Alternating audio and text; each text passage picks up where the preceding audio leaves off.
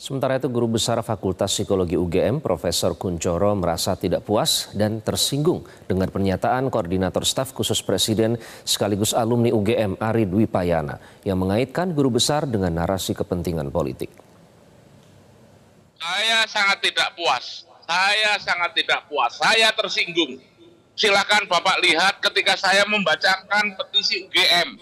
Dua kali saya membaca bismillah saya mengatakan dengan suara kasih dari UGM, mengingatkan alumninya untuk tidak seperti itu. Gitu. Ini Ari Dupaya ini juga alumni UGM. Memalukan kalau menurut saya. Dan tidak ada kalau dikata Pak Romadi tadi, tidak ada kata yang salah. Bahasanya jelas. Begitu. Jadi jangan pembenaran. Kalau menurut saya saran saya cabut kalau tidak itu. Maaf saya takut ada chaos Pak. Baru dari UGM bicara sudah ada banyak, ada penolakan chaos nanti yang terjadi. Saya takut betul itu persoalannya. Saya cinta Indonesia, saya cinta NKRI, saya cinta UGM, kan itu UGM mengingatkan alumnusnya. Dasarnya hanya itu.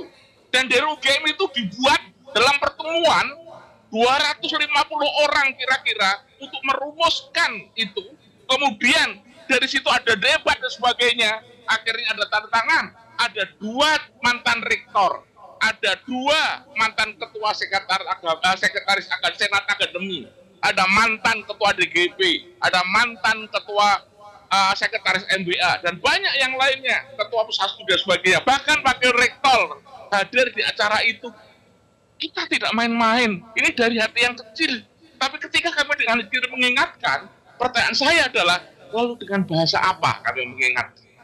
Jelajahi cara baru mendapatkan informasi. Download Metro TV Extend sekarang.